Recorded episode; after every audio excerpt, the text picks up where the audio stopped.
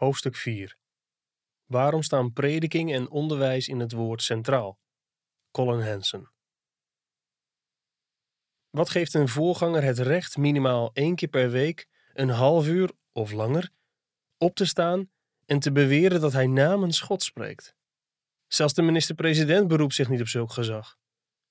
Niemand vindt dat een wiskundeleraar of een hoogleraar literatuurwetenschap dit privilege bezit. Waar kom je tegenwoordig nog meer zulke monologen tegen? Wat ooit populair was, in de antieke wereld was het zelfs het middelpunt van rondtrekkend vermaak, zou nu in geen enkel stadscentrum nog menigte trekken. Laat staan dat het je de weg zou banen naar een lucratieve carrière als publieke redenaar. Voorgangers ontlenen hun gezag niet aan hun heel bijzondere kennis, politieke macht of spreektalent.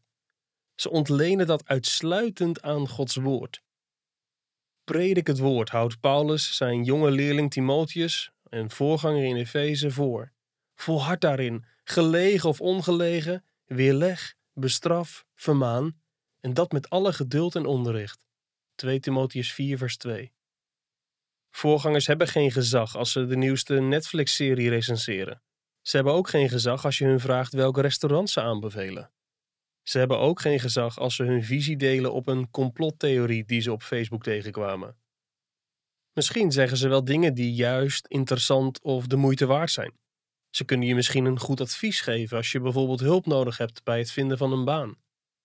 Maar speciaal gezag om namens God te spreken, bezitten ze alleen als ze zijn woord verkondigen. Niemand is een betere prediker dan Jezus. Niemand kan een betere preek houden dan zijn bergreden. De waarheid en kracht ervan ontroeren ons ook nu nog, en die preek verandert nog altijd levens. Maar het viel zijn oorspronkelijke hoorders ook op dat dit anders was dan wat ze gewoonlijk van hun leraars hoorden. Matthäus vertelt ons: Toen Jezus deze woorden had geëindigd, gebeurde het dat de menigte versteld stond van zijn onderricht, want hij onderwees hen als gezaghebbende en niet als de schriftgeleerden. Matthäus 7, vers 28 en 29. De schriftgeleerden waren de officiële leraars van Israël. Waarom respecteerde de menigte hun gezag dan niet? Dat was omdat zij hun eigen gedachten onderwezen. Ze voegden hun eigen wetten aan Gods wet toe. Jezus, die zelf God was, onderwees met gezag, als iemand die de wet had geschreven en daaraan volkomen gehoorzaamde. Als we de kerk opnieuw gaan ontdekken, zijn we op zoek naar goddelijk gezag en niet naar louter menselijke wijsheid. We hebben tegenwoordig al meer dan genoeg menselijke wijsheid. Nooit eerder was die zo breed toegankelijk. Zelfhulpboeken domineren de bestsellerlijsten. Podcasts beloven een betere versie van jezelf. Internet is onuitputtelijk. Een gemeente die menselijke wijsheid aanbiedt, ondervindt dus stevige concurrentie. Waarom zou je naar een plaatselijke voorganger luisteren, in plaats van je te abonneren op een YouTube-kanaal? Waarom zou je op zondagmorgen uit je bed komen, in plaats van naar de nieuwsprogramma's met invloedrijke politici te kijken? We gaan ons bed uit en komen wekelijks samen met de gemeente, omdat we daar van de goddelijke koning horen. Het goede nieuws en zijn plan voor ons leven. Zeker, elke keer als we onze Bijbels openslaan, horen we van hem. Maar in de wekelijkse samenkomst luisteren we gezamenlijk naar hem. Daar worden we als volk gezamenlijk gevormd. Daarom staan prediking en onderwijs centraal in onze samenkomsten. Door Gods woord daarin centraal te stellen, kweken we de hemelcultuur aan die ons als een apart volk zou moeten kenmerken, zodat we op onze beurt zout en licht kunnen zijn in onze afzonderlijke steden en landen. Met hulp van de geest herken je de goddelijke wijsheid als je die hoort. Die is niet zoals de menselijke wijsheid van de zelfbenoemde schriftgeleerden van deze tijd, die je zoveel tegenkomt op sociale media en in bestsellers. Het gezag van de voorganger omvat alles wat God heeft gezegd, maar gaat niet verder dan wat God heeft gezegd. Voorgangers kunnen zich er schuldig aan maken dat ze te veel of te weinig zeggen. Dit betekent dat het woord niet alleen de basis, maar ook de grens is van de preek. Mark Dever vergelijkt het werk van een voorganger vaak met de taak van een postbode. Als de postbode naar je deur loopt, opent hij niet de post om er nog even wat bij te schrijven, vervolgens de envelop weer dicht te plakken en bij je in de bus te deponeren. Een postbode levert alleen maar de post af. Zo is het ook met een voorganger. Het woord helpt ons om vast te stellen wat nu precies zijn gezag is. Hij heeft het gezag om de post te bezorgen. Niets anders. Zelfhulpgoeroes hebben geen gezag, want ze hebben er belang bij jou te vertellen wat je wilt horen. Anders koop je hun producten niet en abonneer je je niet op hun programma's. Zulke schriftgeleerden gaan verder dan Gods woord en eisen gezag op dat hun niet toekomt. Ze proberen je geweten te binden in zaken die je niet uit de schrift alleen kunt afleiden. Ze kunnen je proberen voor te schrijven met wie je moet uitgaan, op wie je moet stemmen, naar welke school je je kinderen moet sturen, of met welk soort kleding je laat zien dat je een gelovige bent. In al deze dingen geven ze je misschien echt wijze raad, maar goede raad moet je niet gelijkstellen aan goddelijk gezag. De preek is niet een plaats voor menselijke bespiegelingen, maar voor goddelijke kracht. Door het hele Oude Testament heen laten de profeten één vast refrein horen. Zo zegt de Heere. Ze spraken met gezag, omdat God zijn boodschap aan hen had toevertrouwd.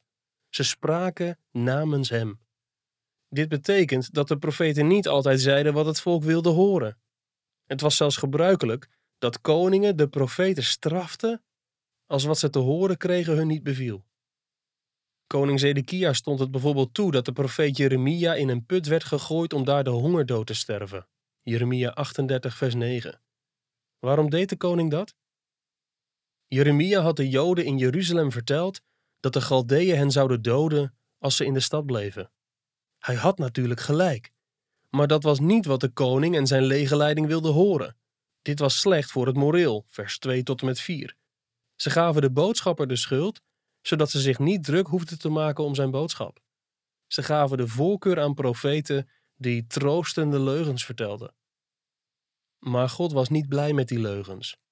Zie, ik ga hun alsem te eten geven en galwater te drinken, omdat van de profeten van Jeruzalem heiligschennis is uitgegaan over heel het land. Jeremia 23, vers 15. Via zijn profeet Ezekiel bestrafte God de leiders of herders van Israël die leugens vertelden aan het volk dat ze moesten beschermen.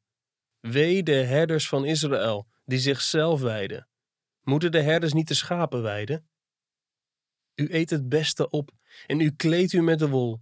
U slacht het vet gemeste, maar de schapen wijdt u niet. Ezekiel 34, vers 2 en 3.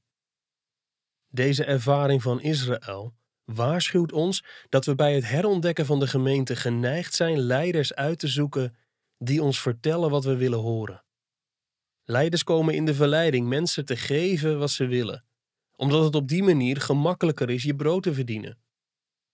Het is zelfs mogelijk dat een voorganger klinkt als iemand die moedig de waarheid spreekt, terwijl hij zich alleen zo scherp uitlaat over mensen buiten de gemeente. Hij klinkt dan misschien wel moedig, maar ondertussen bekritiseert hij nooit de mensen die hem betalen. Dat is misschien wel de grootste uitdaging waar een voorganger voor staat. Hoe kan hij de Bijbel en niets dan de Bijbel verkondigen zonder hier en daar op iemands stenen te gaan staan? Hoe kan hij harde en waarheidsgetrouwe dingen zeggen tegen mensen die zijn levensonderhoud betalen en hem en zijn gezin uit hun huis en gemeenschap kunnen zetten? Gezien deze verleiding is het voor predikers belangrijk dat de rest van de gemeente bereid is naar het woord te luisteren en dat in de praktijk te brengen zelfs als het niet leuk is of als ze het er eerst niet mee eens zijn. Als je de gemeente opnieuw ontdekt, ben je op zoek naar predikers die je niet van hen afhankelijk maken voor verborgen bijbelse inzichten, maar die je laten zien hoe je jezelf het woord kunt onderwijzen. De beste predikers zijn niet zij die je laten verbazen over hun vaardigheden, dat zijn zij die je vanuit Gods woord zijn heerlijkheid laten zien. Als je God eenmaal op die manier ziet, wil je zoveel van hem hebben als je maar kunt krijgen. Je verlangen groeit om het woord te lezen en op jezelf toe te passen. Dan kom je in een zichzelf versterkende positieve kringloop terecht. Hoe meer een voorganger je helpt om het woord te leren kennen en lief te hebben, hoe meer die smaak voor jezelf ontwikkelt en hoe meer smaak je ontwikkelt voor een prediking die werkelijk inhoud heeft. Die relatie tussen een voorganger en zijn gemeenteleden vormt de sleutel tot een gezonde gemeente. Omdat er nooit slechts één in de gemeente is die het woord onderwijst. Ieder van ons is immers geroepen om in een bepaalde positie het woord te onderwijzen Zo moet bijvoorbeeld niet alleen de voorganger, maar moeten alle ouderlingen als onderdeel van hun leiderschap bekwaam zijn om te onderwijzen. 1 Timotheus 3 vers 2. Ouders prenten hun kinderen het woord in. Deuteronomium 6 vers 7. Oudere vrouwen moeten jongere vrouwen onderwijzen. Titus 2 vers 3 tot en met 5. Als je erover nadenkt hoe het woord in een gemeente werkt, zie je tenminste vier bewegingen. De voorganger brengt het woord voor de hele gemeente. De gemeenteleden reageren hierop door Gods woord in hun mond en hart op te nemen door het zingen en de gezamenlijke gebeden. Alle gemeenteleden onderwijzen het woord aan zichzelf. Verschillende gemeenteleden onderwijzen het woord aan elkaar en aan de volgende generatie. Dit betekent dat ieder lid van de gemeente op de een of andere manier geroepen is niet alleen leerling, maar ook leraar van het woord te zijn. Met deze visie op het woord beschermen gemeenten zich tegen een van de meest voorkomende problemen van deze tijd, die de Bijbelschrijvers ook zelf hebben voorzien en doorstaan. Paulus droeg Timotheus op de Efeziërs te waarschuwen, zich ook niet bezig te houden met verzinsels en eindeloze geslachtsregisters, die meer twistgesprekken opleveren dan door God gewerkte opbouw in het geloof. 1 Timotheus 1 vers 4 in zijn tweede brief aan Timotheus waarschuwt hij hem eveneens. Want er zal een tijd komen dat ze de gezonde leer niet zullen verdragen, maar dat ze zullen zoeken wat het gehoor streelt, en voor zichzelf leraars zullen verzamelen overeenkomstig hun eigen begeerte. Ze zullen hun gehoor van de waarheid afkeren en zich keren tot verzinsels. 2 Timotheus 4, vers 3 en 4. We zien dus dat een gemeente die gericht is op het woord minder geïnteresseerd is in de eigen begeerte, in twistgesprekken die wel op wijsheid schijnen te wijzen, maar in werkelijkheid wijzen op dwaasheid. Paulus zou gedacht kunnen hebben dat Satan in hoogst eigen persoon het internet heeft uitgevonden, als een instrument om verdeeldheid in gemeenten te zaaien en af te leiden door eindeloze twistgesprekken. Denk eens aan de unieke uitdaging waar een voorganger in sommige delen van de wereld voor staat tijdens een lockdown. Hij eist in een week misschien een half uur of een uur je aandacht op. Tenminste, als terwijl je thuis naar de preek probeert te kijken, je aandacht niet wordt afgeleid door kinderen, slaperigheid en berichtjes die binnenkomen. Maar buiten je werk, autorijden en slapen om, eisen naar het schijnt sociale media, filmpjes en podcast ieder vrij moment op. Geen wonder dat het soms lijkt alsof onze gemeente op een andere golflengte zit. Alsof we niet dezelfde pagina's uit de schrift voor ons hebben. De gemeenten die het sterkst uit de coronacrisis tevoorschijn zullen komen, zullen die kerken zijn die onderscheid maken tussen Gods woord, dat met kracht gepredikt wordt, en de talloze andere woorden die om onze afnemende aandacht strijden. Als je de kerk weer gaat ontdekken, kun je allerlei verschillen ontdekken in hoe en hoe lang er wordt gepreekt. Daar vind je in de Bijbel geen vast recept voor. De hele Bijbel is door God geïnspireerd maar toch merk je verschil in persoonlijkheid tussen de verschillende auteurs. Paulus klinkt niet zoals Petrus, en die klinkt weer niet zoals Johannes. Je kunt ook een voorkeur hebben voor preken waarin vaak naar het Grieks en het Hebreeuws wordt verwezen. Beide manieren kunnen ook in één preek zitten en God kan het allemaal gebruiken om ons tot liefde en gehoorzaamheid te brengen. Soms hoor je voorgangers discussiëren over de vraag of in preken een thema of de tekstuitleg centraal moet staan. Soms vraagt een situatie om een thematische preek, bijvoorbeeld als er verkiezingen aankomen, als er een wereldwijde pandemie heerst, of als er sprake is van raciale spanningen. Als een voorganger te vaak thematisch spreekt, loopt hij het risico dat hij zijn gezag uitholt, doordat hij in de verleiding kan komen zijn eigen draai aan Bijbelteksten te geven om zo zijn punt te maken. Wij geloven dat het beter is de gemeente een evenwichtig dieet van verklarende preken aan te bieden. Daarin wordt de tekst uitgelegd door van de kern van de Bijbelpassage ook de kern van de boodschap van de preek te maken. Zoals velen al hebben opgemerkt, geeft Paulus voorgangers niet slechts opdracht om te preken, maar om het woord te verkondigen. Een prediking die week na week over achtereenvolgende verzen en hoofdstukken van de Bijbel gaat, laat God en niet de voorganger de agenda bepalen. Je moet niet vergeten dat de voorganger een postbode is, die de post bezorgt. Deze week gaan we horen wat God ons te zeggen heeft in Romeinen 1, volgende week in Romeinen 2 en de week daarop in Romeinen 3. Als we op deze manier naar de Bijbel luisteren, ontdekken we dat Gods agenda niet keurig gelijk loopt met die van ons. Er kunnen bijvoorbeeld dingen in Romeinen staan die een voorganger liever niet aan de orde zou stellen. Maar daar ligt de envelop, een brief van God die erom vraagt om bezorgd te worden. Welke agenda willen we eigenlijk liever volgen? Die van ons of die van God? Zijn wegen zijn hoger en beter. Jesaja 55 vers 9. Wij moeten ons richten naar Hem en niet naar de wereld. Er gebeurt iets bijzonders wanneer je de geest door Gods woord hoort spreken, terwijl de voorganger ogenschijnlijk gewoon verder gaat waar hij de week daarvoor was gebleven. Als je de kerk opnieuw gaat ontdekken, zul je mogelijk ook de discussie tegenkomen over preken die van tevoren zijn opgenomen tegenover preken die een voorganger persoonlijk komt houden. Jaren geleden sprak ik eens een bijzonder begaafde voorganger.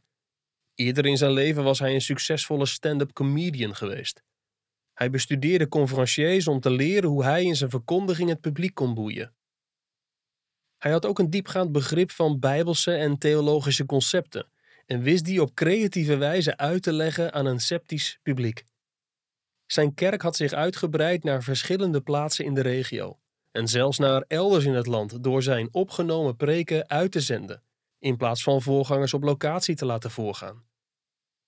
Ik zal nooit vergeten welke reden hij daarvoor aandroeg. Hij zei dat het niet logisch was mensen een minder begaafde voorganger te geven als ze een eerste klas prediker zoals hij zelf konden krijgen. Tja, als een grote persoonlijke aanhang zijn doel was, kon ik hem natuurlijk niet tegenspreken. Toen ik er later over nadacht, realiseerde ik me dat zijn argument logisch niet klopte. In zijn scenario was hij dus eigenlijk niet alleen de concurrent van zijn directe collega's en stagiairs. Feitelijk concurreerde hij met iedere andere voorganger uit heden of verleden. Waarom vertonen we dan geen opnames van een eerste klas prediker als Billy Graham? Waarom zouden kerken dan geen acteur inhuren om de beste preken van Charles Spurgeon op te voeren? Misschien kunnen we een wedstrijd uitschrijven en christenen vragen om in verschillende rondes te stemmen op hun favoriete voorganger, totdat we één echte redenaar hebben gevonden die alle anderen de baas is. Dan zou nooit meer iemand met een minder begaafde voorganger hoeven te doen. We zouden alleen nog maar het beste van het beste krijgen, als God dat tenminste het beste voor ons vindt. Maar dat is niet zo. De beste voorganger voor jou is een prediker die trouw is aan Gods woord. Nog beter is het als hij bereid is om bij je op de koffie te komen of je te bezoeken in het ziekenhuis. Er is een reden waarom we iedere eredienst niet alleen de schrift met elkaar lezen. Prediking past via de persoonlijkheid en de ervaring van de voorganger het gezag van Gods woord toe in onze hedendaagse context met zijn speciale, plaatselijke en persoonlijke behoeften. De man die ik eerder noemde is misschien dan wel een betere prediker dan die van jou, maar jouw voorganger kent je gemeente beter. Dat is echt van grote betekenis als het aankomt op het toepassen van de Bijbel op jou en je gemeente. Natuurlijk kan een voorganger niet alle persoonlijke details van de mensen onder zijn gehoor kennen. Maar er is een reden waarom tijdens de coronalockdowns zoveel voorgangers moeite hadden om voor een camera te preken. Ze bidden erom of ze de geest mogen zien werken in onze reacties tijdens hun prediking. Als zij oog in oog met ons staan, roept de geest troostwoorden in hun gedachten, die spreken in onze ellende. Er zijn allerlei redenen waarom een kerk tijdens de dienst niet de lichten boven de gemeente zou moeten dimmen, zoals bij een concert of in een bioscoop. En dit is er dus één van, zodat voorgangers op gevoelige wijze kunnen reageren op de ingevingen van de geest tijdens de verkondiging. Het gaat bij preken immers niet alleen om het overbrengen van informatie. Als dat het enige doel was, zou de preek niet langer het meest efficiënte middel daarvoor zijn. Dan zouden we kunnen overstappen op video's, podcasts en zelfs gewoon boeken. En de eredienst helemaal kunnen schrappen. Maar bij het horen van de preek gaat het niet alleen over jou en je persoonlijke wandel met Jezus. Het gaat ook over het vormen van een hemelcultuur en het bouwen van een hemelse stad in je eigen gemeente. Het gaat over het vormgeven van een leven met elkaar. Als een voorganger in eigen persoon onderwijs geeft gebeuren er twee dingen die je niet kunt overbrengen via een podcast van iemand die je nooit persoonlijk zult kennen. Ten eerste ervaren de gemeente en de voorganger de prediking samen als een gemeenschappelijk gebeuren in tijd en ruimte. Het heeft zeker waarde als we een preek toepassen in onze persoonlijke overdenking, als we alleen zijn. Maar het toepassen ervan op ons als een gezamenlijk volk heeft een nog grotere waarde. Samen brengen we de preek tot leven in hoe we met elkaar omgaan in de loop van de week. Vergeet ook niet dat de prediker uiteindelijk niet boven ons staat. Hij is één van ons en hij laat zich samen met ons door Gods woord tot een nieuwe stad vormen. De preek zet vanuit Gods woord een visie uit voor een bepaald volk op een bepaalde plaats, omdat zij samen een verbond hebben gesloten om God te gehoorzamen en elkaar lief te hebben. In de tweede plaats wil ik noemen dat het voorbeeld en de persoonlijkheid van de voorganger de toon zetten voor de hele gemeente. Het is begrijpelijk dat het predikanten bang maakt. Als ze zich realiseren hoe hun gemeente niet alleen hun sterke punten zal overnemen, maar ook hun zwakheden. Toen ik op het seminarie leerde hoe ik moest spreken, sprak mijn professor ontnuchterende woorden. Hij vertelde me dat na verloop van jaren mijn gemeente zich waarschijnlijk mijn exacte woorden niet meer zou herinneren. In plaats daarvan zou God in de loop van de tijd een gemeente vormen zowel door mijn woorden als door mijn voorbeeld van godsvrucht en integriteit. Het karakter en de boodschap van de voorgangers smelten samen en de kracht van de geest verandert de hoorders door die woorden, ook al zullen ze zich die niet altijd blijven herinneren. Dat is gebruikelijk voor onderwijs, niet alleen voor de prediking. Wij herinneren ons onze beste docenten niet alleen vanwege hun kennis. Naast hun wijsheid herinneren we ons hun gave om te communiceren en hun liefde voor ons persoonlijk. Als je dus de kerk opnieuw gaat ontdekken, zoek dan naar voorgangers die genoeg van je houden om te weten hoe ze, net als een goede chirurg, in je moeten snijden als dat nodig is. En hoe ze je weer moeten hechten. Zoek naar voorgangers die weten dat ze hun gezag ontlenen aan de koning der koningen en dat ze zijn goede nieuws en raad verkondigen.